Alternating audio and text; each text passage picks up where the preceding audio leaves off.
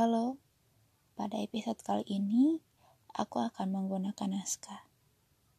Aku ingin mencoba agar semua yang aku bicarakan bisa mengalir tanpa jeda.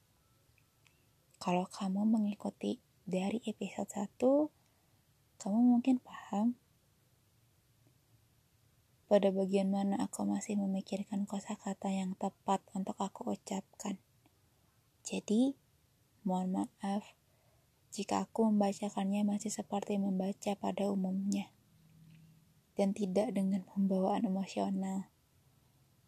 Serta terima kasih banyak karena pada bulan ini podcast bicaraku sudah genap menemui angkanya tepat di satu tahun. Terima kasih banyak ya. Oke, aku akan memulai bagian dari kepala yang akan aku buka satu persatu. Episode kali ini aku akan membahas tentang navigasi. Navigasi menurut bahasa Indonesia adalah pengetahuan tentang posisi, jarak, dan sebagainya untuk menjalankan suatu benda yang bersifat mobile dari satu tempat ke tempat yang lainnya. Tentu saja, bahwa kali ini kata navigasi mengingatkan aku tentang waktu dan bagaimana proses merelakan. Gak lupa juga tentang melupakan, mengikhlaskan, dan sempat menguburnya dalam-dalam.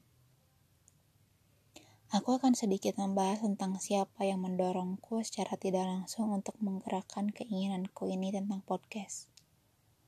Kehidupanku di empat tahun terakhir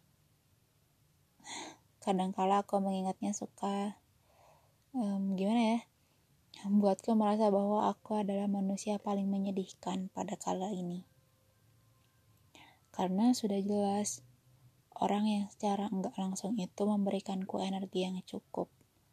Bahkan kalau dikatakan bisa lebih dari itu. Namun kali ini aku cukup kaget dengan statement-statement dalam logikaku bahwa Apakah aku siap untuk menceritakan dia dalam sosok yang lain? Apakah aku siap untuk bisa menerima ketika dia datang pada suatu hari nanti? Atau apakah aku siap menceritakan dalam arti yang lain? Setelah setahun ini, aku sudah memaksimalkan apa yang dipunya untuk bisa merelakan apa yang dimaksudkan dengan ikhlas. Pada akhirnya, entah kapan aku pernah menanyakan itu pada diri sendiri, bahwa akan ada saatnya aku harus menceritakan ini pada diriku lagi, bukan untuk disimpan, tapi untuk diri. Karena sejatinya yang namanya sejati itu memang gak ada. Yang namanya sakit yang sebenarnya sakit itu juga gak ada yang ada adalah bagian da dari kita untuk harus tetap menjadi waras dan merawat ingatan bahwa yang namanya masa lalu akan terus bersama apa pun itu keadaannya dan waktunya tepat atau enggak. Membahas tentang waktu sebetulnya enggak ada waktu yang benar-benar tepat itu hanyalah suatu perumpamaan yang sekiranya kita menolak dengan halus untuk berkata enggak dengan keadaan. Lalu saat ini, aku sepaham dengan dialog barusan bahwa kenangan apa pun memang tidak lagi untuk disimpan. Tapi dengan apa pun kondisinya, kita harus siap dengan penawaran diri untuk bisa benar-benar merelakan mau itu sekarang, besok, besoknya lagi, bahwa dia memang enggak bisa dilupakan. Dia adalah, dia adalah yang istimewa. Meskipun aku belum pernah memulai apa pun dengannya. Tapi percaya deh. Yang sebetulnya aku sebut dengan bicara tuh ya ini jadi aku memberanikan diri pada saat ini untuk bisa menyusun ulang apa yang pernah terjadi dalam kehidupanku di empat tahun lalu. Dan aku akan menyusunnya. Rapi tentunya. Meskipun aku juga paham tidak mudah memang berdiri pada kaki sendiri dan di tempat yang saat ini. Mencoba memberikan apa yang seharusnya aku berikan pada diri sendiri, tapi ternyata bukan itu yang sedang aku butuhkan. Dan aku belum siap dengan konotasi cinta untuk saat ini. Entahlah. Mungkin sepertinya aku sudah menemukan jalan di mana aku harus berjalan pada arah yang sudah aku temui. Lalu ada sesuatu hal yang membuatku harus berpulang. Pulang ke tempat asal di mana aku harus membawakan atau merasakan lagi kecewa, sedih, senang, senyum dengan tersipu malu. Bahwa ya kali ini aku berbalik arah untuk bisa merapikan terlebih dahulu sebelum benar-benar pergi dengan apa yang pernah aku persiapkan untuknya. Meskipun bisa dibilang sudah saatnya untuk melupakan. Mungkin kamu akan paham bagaimana rasanya kehilangan sesuatu dan dan kita harus merelakannya dengan segera. Itu enggak mudah, butuh waktu, dan membutuhkan teman. Aku memberanikan diri untuk membahasnya kembali. Itu enggak mudah. Menceritakannya kembali pada siapa pun itu, bahwa dia tetap menjadi kenangan aku, tetap menjadi masa laluku, dan tetap menjadi istimewa. Ya, untuk saat ini. Aku sebetulnya berharap bahwa suatu saat, entah kapan, dia bisa mendengarkan dan dan mungkin bisa membaca sesuatu hal yang berkaitan dengannya yang sempat aku tulis, aku tulis dengan inginnya. Bahwa meskipun sebetulnya kita tidak pernah menorehkan apa pun, tapi aku sayang padamu itu juga sudah cukup. Meskipun kamu sering membuatku kesal, membuatku marah hingga akhirnya aku memutuskan untuk menyudahi anganku tentang apa pun yang ingin aku mulai. Atau bukan aku mulai lagi, tapi yang ingin aku pertahankan. Kalau boleh jujur, sebetulnya aku kebingungan karena ragu ini sebetulnya ragu bahwa ketika aku memutuskan untuk kembali dan merapihkan, kemudian aku pergi setelah dengan harapan bahwa aku benar-benar siap.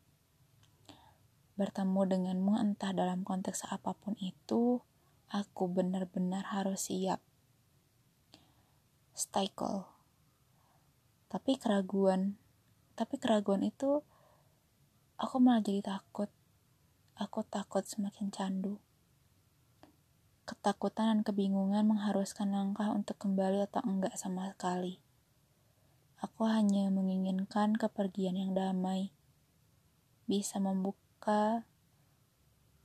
pada hal yang baru aku hanya ingin membebaskan diriku pada apa yang aku mau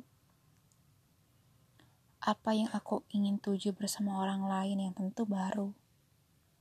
Aku ingin meninggalkan dengan baik, meskipun rasanya ketika aku ingin sekali berdamai, kamu dan semesta tak mengizinkannya. Aku kembali merenung dan kembali lagi hakikatku selalu menunggu dan berharap bahwa setelah kejadian ini, kamu akan berani menceritakan apa yang sebelumnya terjadi. Aku hanya ingin, aku hanya ingin mendengar bait-bait dalam puisimu. Aku hanya ingin melihat lagi bola matamu yang terlihat segaris itu, menari dalam paragraf saat kau membaca buku. Aku terbayang lagi ketika kamu memikirkan bagaimana orang lain, tapi entah bagaimana kamu aku memikirkan kembali bagaimana kamu mencari sesuatu persoalan dalam soal yang kita semua nggak sempat pikirkan. Aku memikirkan Bagaimana ketika kamu menggendong tas coklatmu yang isinya tentu saja buku kesukaanmu? Puisi, politik, biografi, perjuangan, sajak, atau hal-hal lain yang menurutmu itu menjadi fashionmu. Aku membayangkan ketika kau belum belum potong rambut, kau menyapu rambutmu dengan gelak tawa santai. Aku memikirkan ketika kau menyurut trokomu. Aku memikirkan ketika kau berjalan, berjalan ke arah padaku. Aku memikirkan ketika kau mengenakan baju yang penuh dengan emblem kebanggaanmu. Gagah. Aku memikirkan bagaimana goresan tanganmu pada setiap lembar dari kesimpulan buku yang kamu baca. Aku memikirkan bagaimana rasanya aku kehilangan lagi, kehilangan kamu. Aku memikirkan bagaimana caranya kamu bisa paham atau enggak ngerti. Aku memikirkan andai kamu jadi aku sehari aja. Aku yang penuh dengan kerinduan untuk kamu. Aku yang penuh rasa sesal. Sesal seakan aku sudah terlanjur sayang sama kamu. Atau sesal karena aku sudah mencoba untuk melupakan kamu. Entah yang mana tapi tapi aku harus harus berpisah dengan kenanganku, berpisah dengan masa laluku dengan baik. Setelahnya, aku aku bakalan pergi. Dan benar-benar mencoba untuk ikhlas. Menanggapi yang benar-benar ikhlas. Dan kemudian pada akhirnya, setelah aku menempuh beberapa jalan, aku harus kembali.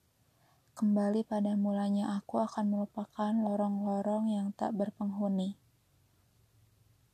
Sekali lagi, aku menyebutmu kembali.